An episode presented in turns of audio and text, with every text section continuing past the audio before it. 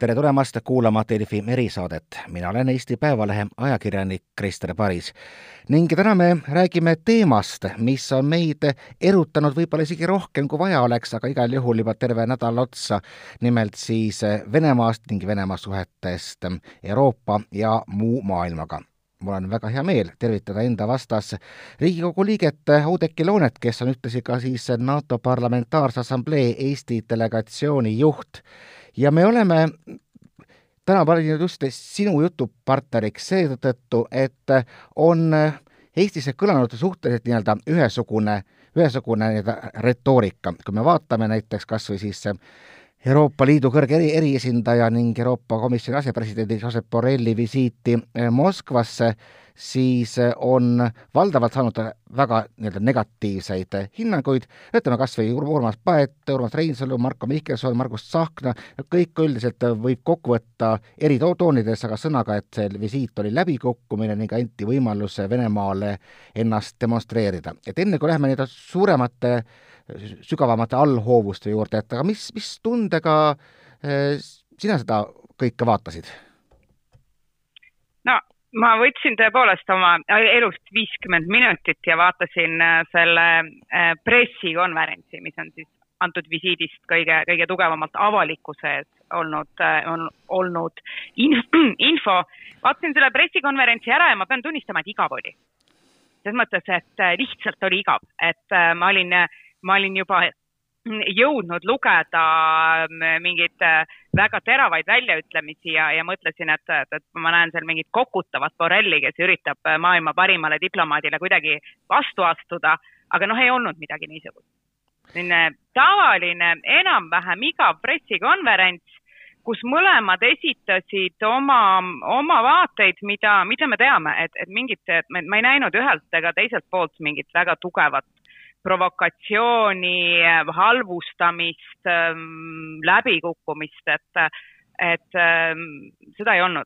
et aga jah, kui lugeda neid meediakajastusi, siis jääb ju mulje, et, et noh, Lavrov tuli ja pidas Borrellile loengut ja, ja see umbes kuulas kõrvad lidus ja tegelikult jättis kõik teravad jutupunktid esitamata no tegelikult ei olnud niiviisi, et tegelikult mõlemad esitasid alguses oma, oma jutupunktid ja, ja vanemad vastasid küsimustele.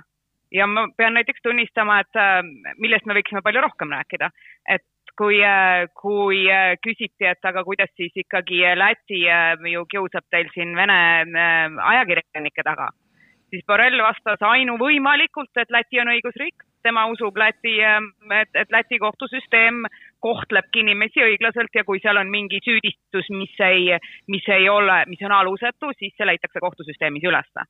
et äh, midagi muud ta ei saanudki vastata. ja see on see koht, kus mina näiteks arvasin, et, et Lavrov ütleb, et vot, meil on Navalnõiga samamoodi. meil on kohtusüsteem, meil on õigusriik äh, ja siis kohtud otsustavad.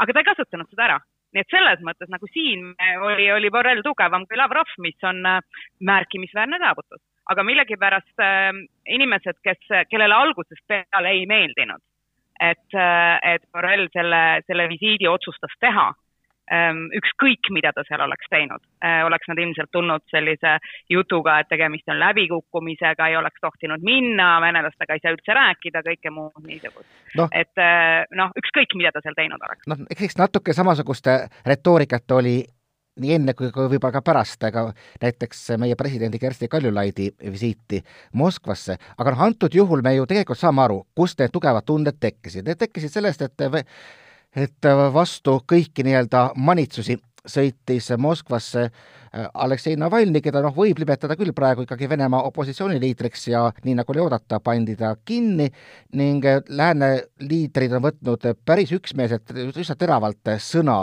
et äh, võiks, võiks ta lahti lasta.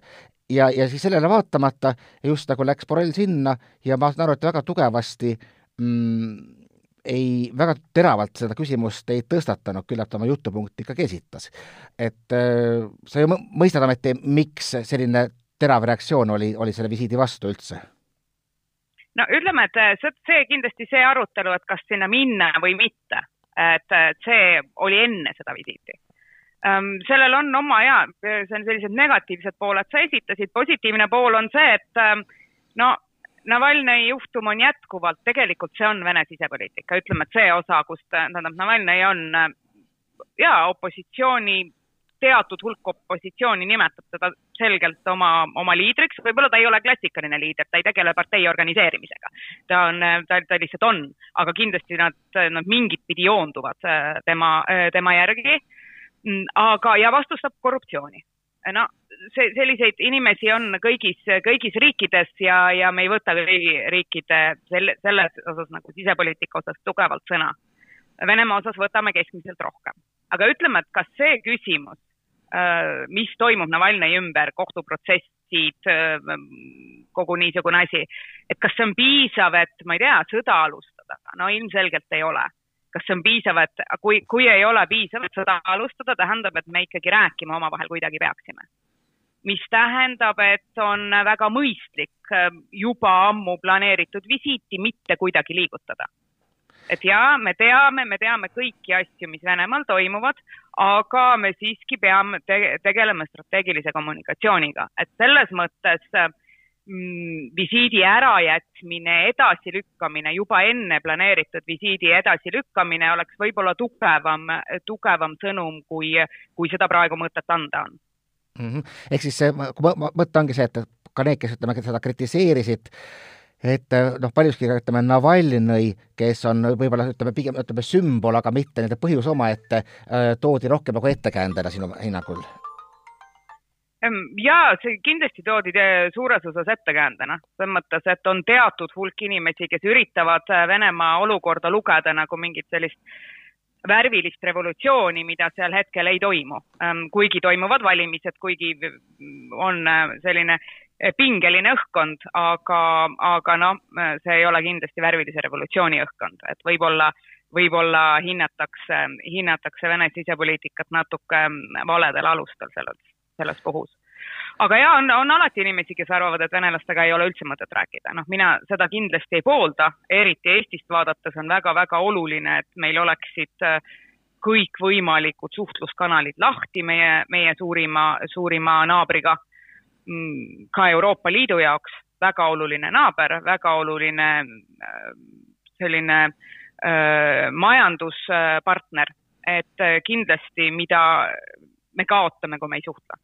et see küsimus, et kas visiiti üldse teha, ma arvan, et et, et kindlasti planeeritud visiitide ärajätmine, sellepärast et Venemaal on tuumavalimised, noh, võib-olla oleks pidanud enne mõtlema, võib-olla oleks pidanud enne planeerima selle viisi pärast valimisi, sest on, on ju ka selge, et kui sa teed seda praegu, siis ka teine pool peab esinema oma sisepoliitiliste, sisepoliitilistele valijatele.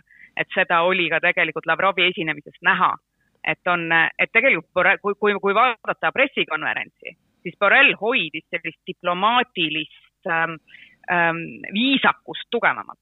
et, et tema ei laskunud provokatsioonidesse, et Lavrovil seal lõpus oli näha küll, et äh, valimised tulevad, ta esineb oma, äh, oma äh, sisepoliitilist punktide saamiseks, et, et, et seda võib-olla, seda, seda oli näha küll.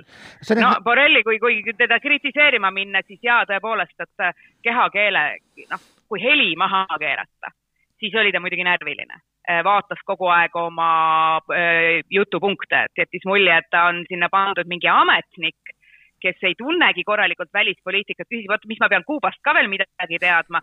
jah, pead küll Kuubast midagi teadma, sa oled Euroopa Liidu kõrge välisesindaja, võib-olla siis mitte nii kõrge välisesindaja, kui sa Kuubast midagi ei tea. et sa pead suutma igal maailma teemal eh, kiiresti sõna võtma, et, et noh, seda oli näha ja võib-olla sellist ähm, püüdu vastuvõtjale, noh, ta on ju ikkagi külaline, et püüd vastuvõtjale meeldida, et, et seda oli ka näha et Lavrov oli selles mõttes palju enesekindlam, palju noh, aga jälle, keda, keda me võrdleme, teiselt poolt Lavrov oli kodus ka, et muidugi sa oled lihtsam, enesekindlam, räägid oma emakeeles ähm,. Äh, muidugi sul on väga palju eeliseid, et ja, et sellist kriitikat oli, aga need on, see on mõnes mõttes tehniline et mitte midagi suurt äh, maailma muutvat sealt ei ühte ega teistpidi ei toimunud. pigem oligi, ma arvan, et visiit õigustas ennast, näitas, et suhtluskanalid on lahti, ehkki meil mingit väga tugevat lähenemist sealt ei paistnud. No see on üks selline klassikalisi dilemmasid, mis ikka on, et, et kuidas peaks suhtlema demokraatlik maailm autokraatlike riikidega? Ja kas peaks minema rohkem teravuste peale, nagu äh,, nagu näiteks, ma ei tea, Ronald Reagan, kes samas jällegi oli ka väga aktiivne suhtleja Nõukogude Liiduga, või peaks vastupidi, üritama olla selline viisakas ja katsuda nagu näidata sellist tsiviliseeritud teed, no praegu Borrell oli see pigem nagu teise, teise suuna esindaja, aga, aga noh, nagu oletame, et me peame ikkagi Venemaa pigem selliseks agress-, agressiivseks riigiks, siis äh, kuivõrd sellised viisakad äh, vormelid üldse toimivad nende, nende peal? No äh, kui, kui ebaviisakas olla, siis on kindel, et me jõuame sinna sellisesse õnnetusse dilemmasse, et mõlemad hakkavad, mõlemad kerivad üles, mõlemad relvastuvad, mõlemad ütlevad vihaselt asju, no ja siis tulevad sellised konfliktid nagu Esimene maailmasõda et, äh, et seda tingimata ei ole tarvis. kui me vaatame nagu viisakat ja, ja rahulikku suhtumist, siis minu arust Helsingi tuhat üheksasada seitsekümmend viis oli, on üks kõige paremaid näiteid.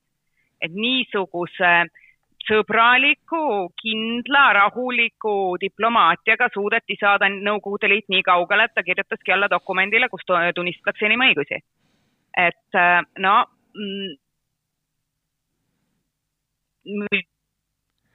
see oli lääne, lääne, lääne diplomaatiale kindlasti suur võit.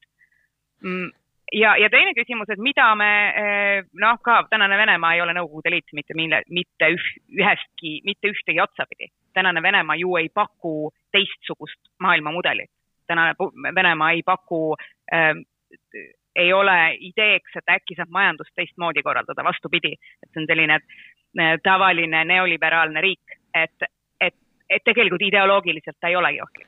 siis ütleme, et kui üldse räägime, et, et, et me siis Venemaast nagu peamine oht, kui üldse kuskilt lähtub, siis nii-öelda oportunistlikust äh, taktikalisest agressiivsusest, nagu me oleme näinud tema mingite naaberriikide peal. Aga ta ei kujuta nagu sellist üld, üldist äh, strateegilist äh, väljakutset maailmale, nagu võib-olla Hiina. et selles mõttes ka Hiinaga me suhtleme ka Hiina kohta me ütleme, et Hiina on väljakutse, kuigi ka ütleme, et Hiina ei ole sugugi nii sotsialistlik, kui võiks olla. kusjuures mina äh, ime äh,, see on ka üks huvitav aspekt võib-olla äh, praeguse, praeguse Venemaa puhul, et kõikvõimalikud sanktsioonid, ma oleks oodanud, et Venemaa pöördub rohkem sellistesse neogensiaanlikesse või ka sotsialistlikesse poliitikatesse, hakkab märgatavalt rohkem raha trükkima, hakkab märgatavalt rohkem noh, Venemaa ka nii suure riigina, nagu ta on Ehm, noh, tal on väga korralik eh, oma, oma sisemajandus, et ta hakkab seda palju rohkem, palju rohkem planeerima, palju rohkem ehm, ja raha, eh, rahaloomega intensiivistama. tegelikult seda ei ole tehtud. Nii et selles mõttes see on hästi, hästi kummaline, et kohati jääb mulje, nagu Venemaa tahaks, et, et, et teda, teda kuidagi aktsepteeritakse, noh, et, et ta ei tee selliseid suuri majanduslikke, suuri majanduslikke muutusi no,. aga olla... teiselt poolt Venemaa lihtsalt on, tähendab, ma, ma arvan, et on väga-väga oluline, et, et võimalikult vähe kõik riigid ütleksid üksteisele seda, kuidas nad oma siseelu korraldavad.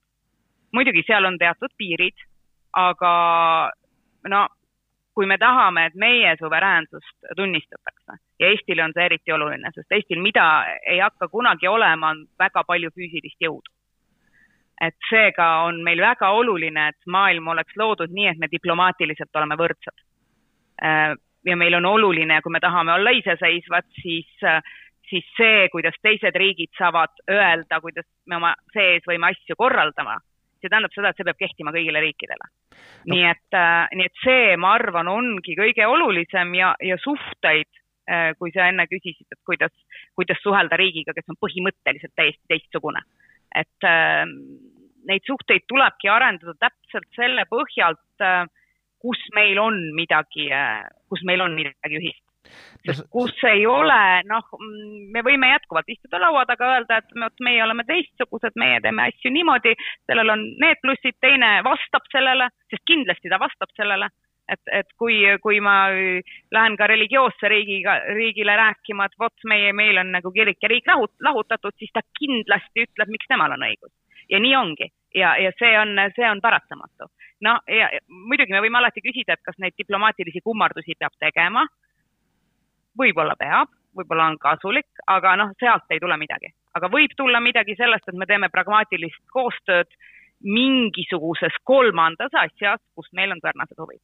no see natukene meenutab seda, mida ütles Saksamaa president Frank-Walter Steinmeier, kui ta ja tema parteikaaslased, kes olemused ütlevad, et tuleb hoida lahus, et äh, majandusküsimused ehk siis äh, e-, energia ka varustamine ja energiajulgeolek, mis on võib-olla selle sama paketi osa, aga teisest küljest ikkagi inimõigused ja nad ei ole otseselt üks-ühe küljes kinni, nii et põhimõtteliselt jagad sellist arusaama, et me ei pea panema majandussuhteid otsesesse sõltuvuse sellest, kuidas teine riik vähemalt enda territooriumil tegeleb inimõigustega? otsesesse sõltuvusse kindlasti mitte. et äh, ma ütlen, et jälle, et see ka, et kas meil on, ähm, kas meil on õigus minna ja öelda teisele riigile, kuidas, ähm, millest tema peab lähtuma.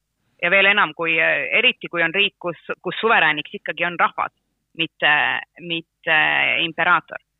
et kui suverääniks on rahvas äh, ja siis minna ja öelda, öelda rahvale, et nad peavad oma mingid mõt-, nad peavad teistmoodi mõtlema hakkama. no see on kergelt kolonialistlik no see, see, et see... alati peab seda, noh, ma ütlen, et alati peab seda muidugi ähm,, see ei tähenda, et me peaksime arvama, et nii on õige. ja me võime jätkuvalt öelda, et nii ei ole õige. aga mm, kui inimene, kui, kui riike mm, hakata äh, niimoodi äh, täiesti välja jätma, siis sellest tulevad hullemad asjad no see, see kõik see lähenemine tuleneb ilmselt äh, ennekõike siis noh, Äh, arusaamast, et inimõigused on universaalne väärtus, mida võib kaitsta ka väljaspool enda territooriumi, mis ütleme, päädis võib-olla kõige teravamalt siis üheksakümmend üheksa Jugoslaavias ja võib-olla ka teatud määral kaks tuhat kolm, kolm Iraagis, ehk siis et äh, meie enda strateegilises huvis on luua enda piiride taha võimalikult palju demokraatiat, mis kokkuvõttes on meile ohutumad, et ma, ma, ma nagu ise sõnastaksin selle, selle äh, huvi sekkuda ka Venemaa siseasjadesse just, just nimelt sedasi? aga kas see on siis põhimõtteliselt selline ristisõda? et äh, lähme teeme õiget ideoloogiat igale poole, et ma ei arva, et ristisõda peaks pidama äh,. jälle väikeriigil on väga oluline, sest tegelikult Eesti ei lähe kuhugi äh,, noh, mitte keegi ei saa arvata, et Eesti läheks oma ideoloogiaga maailma vallutama. et mm, ma armastan oma riiki väga, aga ma tean, mis meie, mis meie piirid on et meie, noh, me saame olla väga head diplomaadid, aga jälle, milline on see riik, milline on see maailm, mis, mis on Eestile kasulik, kus Eesti saab päriselt olla suveräänne, on see, kus ristisõjad ei ole tolereeritud. et, ähm, et ma arvan, et, et ei, seda me ei tohiks teha. muidugi ütleme, et sekkumisel on mõningad piirid, et äh, ma arvan, et sekkuda, et kui, kui on näha teises riigis, ütleme, toimub genotsiid või on kohe hakkamas toimuma ja meil on tegelikult jõud see peatada. ütleme, Eestil üksi jälle, kui ei ole suures hulgas riikides võimal-, võime, võimet genotsiidi peata, peatada, aga ütleme, koos mingisuguste teiste riikidega võib-olla on. et sellel puhul, et ma arvan, et siis, siis, siis oleks sekkumine õigustatud küll.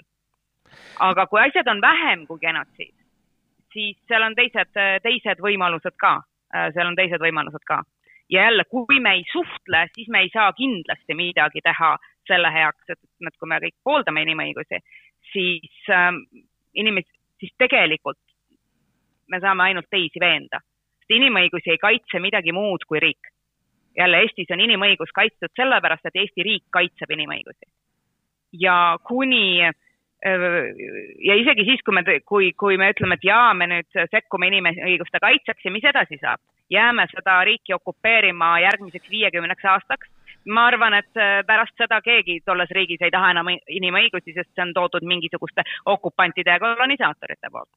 et inimõigused saavad kehtida siis, kui äh, esiteks, kui, kui rahvas ise usub neisse, tahab, et inimõigused oleks kaitstud ja, ja seetõttu nõuab omaenda võimult, et see võim seda kaitseks jah, kui meil on niisugune olukord, kus meil on mingi ajud, kus on, kus on, kus on enne olnud, ütleme, demokraatlik inimõiguste režiim ja selle võtab ajutiselt üle diktaator, et siis me saame öelda, jaa, võtame selle diktaatori ära, pärast lähme normaalsustesse tagasi. aga kui nii ei ole olnud, kui meil alternatiivi ei olegi, et kui, kui vaadata, kui vaadata sellest näiteks seda õnnetut, õnnetut Süüria juhtumit, ei saanud väga palju parem. sellepärast, et demokraatlikku opositsiooni ei olnud ja kui enne seda vähemalt oli enam-vähem rahu, siis, siis praegu on, praegu on hullem ei tasu kunagi arvata, et äh, sul, on ainult paremad alternatiivid, et võtame ühe inimese ära ja siis hakkab kõik õitsema. see oli Ühendriikide idealistlik üheksakümnendate lootus, aga maailm lihtsalt ei ole niisugune. ehk ma, ma torkasin korraks lihtsalt vahele, et täiesti kõrvalteemana, aga, aga ikkagi, aga ikkagi Valgevene, et sinu loogika järgi praegu äh, peaks jätma Valgevene rahval äh, võimaluse ise jõuda kas siis diktaatori kukutamiseni või siis mitte jõuda?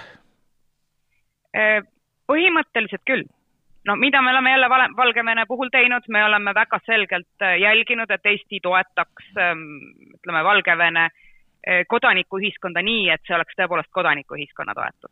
Äh, ja, ja seda me väga selgelt oma programmidega jälgime. Ja, ja kõik ja inimesed on ka öelnud, ähm, kõik riigid on öelnud, et on oluline, et Valgevenes mm, rahva arvamus oleks kuulda. Ja, ja vägivalla on vist hukka mõistnud kõik võib-olla isegi Venemaa, kui ma hästi järele mõtlen. et, et, et vägivald võimude poolt protestijate suhtes ähm, on alati problemaatiline. aga tõepoolest, et kui Valgevenesse läheb nüüd ähm, noh, mingisugune naaberriik, ükskõik kes, läheb Venemaa, ütleb, et äh, ma võtan Lukašenka maha, teeme ausad valimised, teemegi ausad valimised ja siis mina olen teie garantii. või läheb äh, Berliin või, või, või, või, või Varssav ja teeb täpselt sedasama siis see ei ole enam Valgevene demokraatia, siis see on nagu väljastpoolt peale surutud. ja see on alati nõrgem, sest selle vastu saab alati öelda, et see on nende, mingid okupandid toovad siia meile asja, mis pole meie oma. et seda, seda ei ole ühelegi, ühelegi rahvale vaja. ma Valgevene puhul tõepoolest loodan, et, et Valgevene ähm,,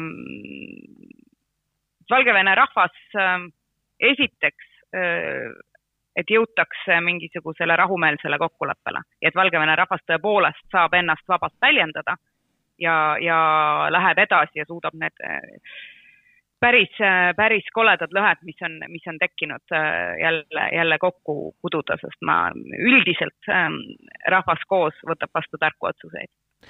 Nii, aga tuleme korraks ikkagi tagasi siis Venemaa ehk meie põhiteema juurde ja Venemaa suhted siis äh, Euroopaga, ehk noh, üks probleem, mis ei lähe kuskile ära, on see, et, et Venemaa pole mitte ainult enda ideoloogiat ta tegelikult ikkagi eksportinud, vähemalt lähinaabritesse, vaid ka mitte, vaid ka enda nii-öelda territooriumi laiendanud, eksportinud ennast teistesse maadesse. ja samas Josep Borrell enne, kui ta läks visiidile, ta saatis ka üle Euroopa meediaväljaannetele siis oma selgituse, kus äh, ta ütles, et jah, et me saame aru, me jätkuvalt oleme vastu sellele, et mis toimub Krimmis, et Krimm on okupeeritud, aga, aga et noh, sellele vaatamata me, me peame peame rääkima, ehk siis on umbes väga sarnane positsioon, mida, mida oled sina, sina siin praegu väljendanud.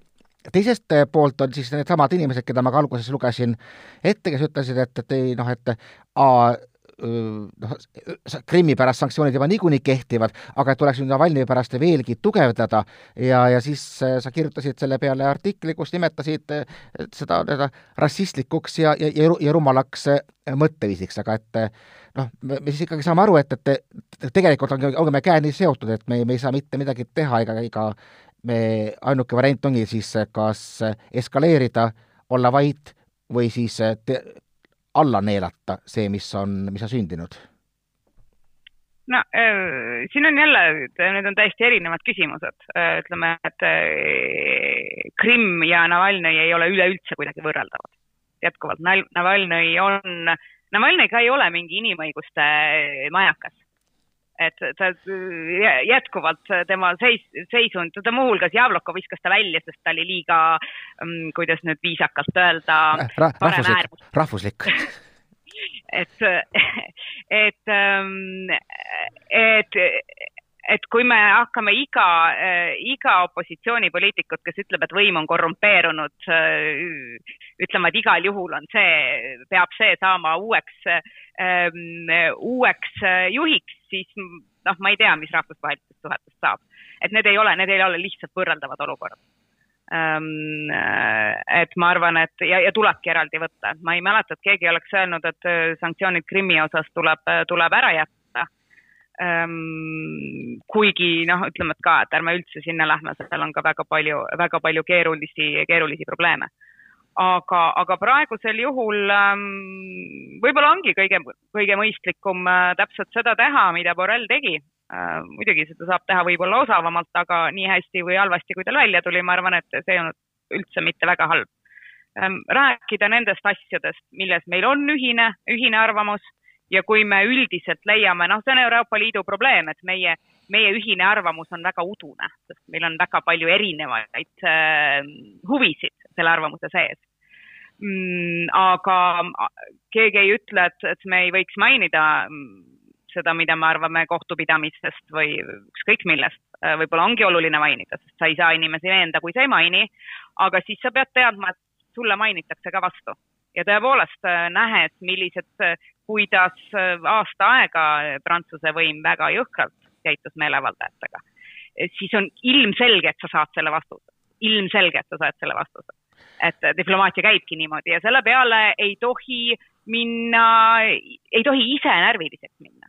see, sest see, mida me praegu teeme, on see, et me, et me kuidagi ise õõnestame omaenda jalgealus.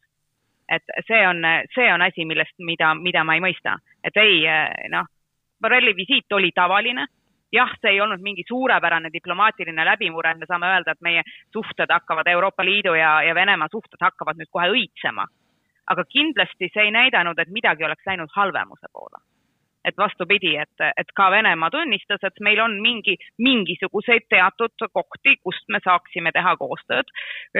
võib-olla me peaksime looma mingisuguse natuke madalama kui välisministrite tasemel oleva võib-olla sellise natuke tehnilisema koostöökogu just sellisteks äh, alates ütleme sellest samast meditsiini olukorrast kui ka meie mingite muud, muud huvid, kus on äh, Lähis-Idaga seoses, et kus meil on näha, et me saame koostööd teha.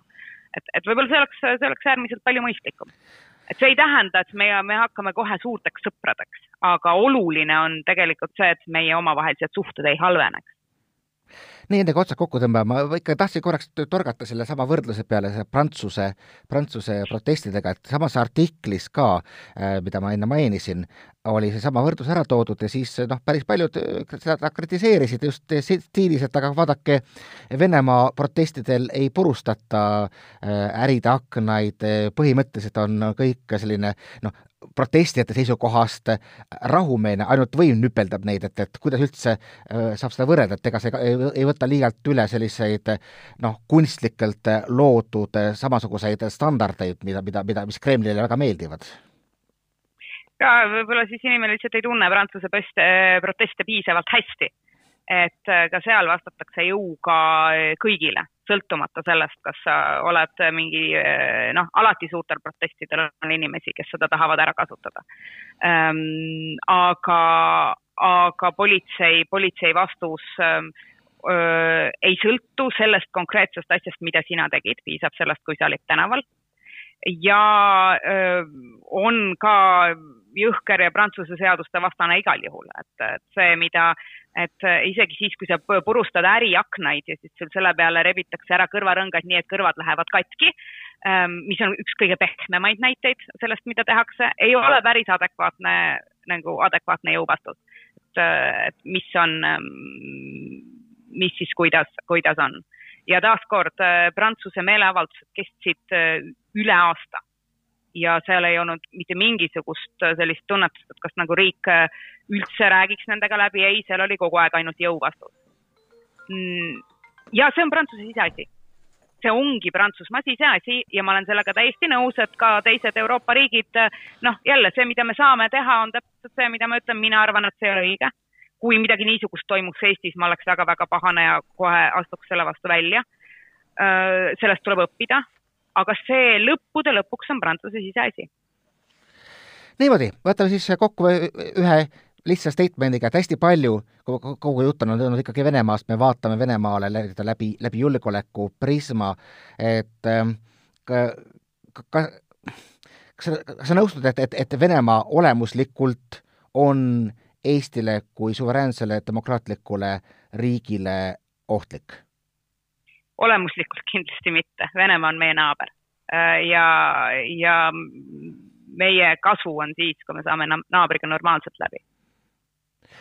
Väga hea, Oudekki, suur aitäh, me nägime täna, et on võimalik vaadata Venemaad äh, läbi mitme vaatenurga ja nii, et nad üldse tegelikult omavahel ei ristu, sest et meie kõikide eesmärk pole mitte midagi muud, kui tegelikult eh, elada, elada rahus ja mis iganes meetod seda toob kaasa, kaasa on õige. ja ma arvan, et sa vist nõustud ka minuga, et, ütleme, kõik, kogu selline lähenemine Venemaale ehk need eh, ikkagi sanktsioonid, pigem, pigem nagu konfrontatsioon, et on andnud küll nii-öelda moraalse rahulolu, aga ega ta ju Venemaa käitumist vist väga palju muutnud ei ole tulemust me oleme ju näinud, tulemust äh, väga ei ole peale selle, et nii, nii Venemaa tavaline inimene kui ka Euroopa tavaline inimene peamiselt kannatab, et äh, miks me peaksime selliseid asju tegema.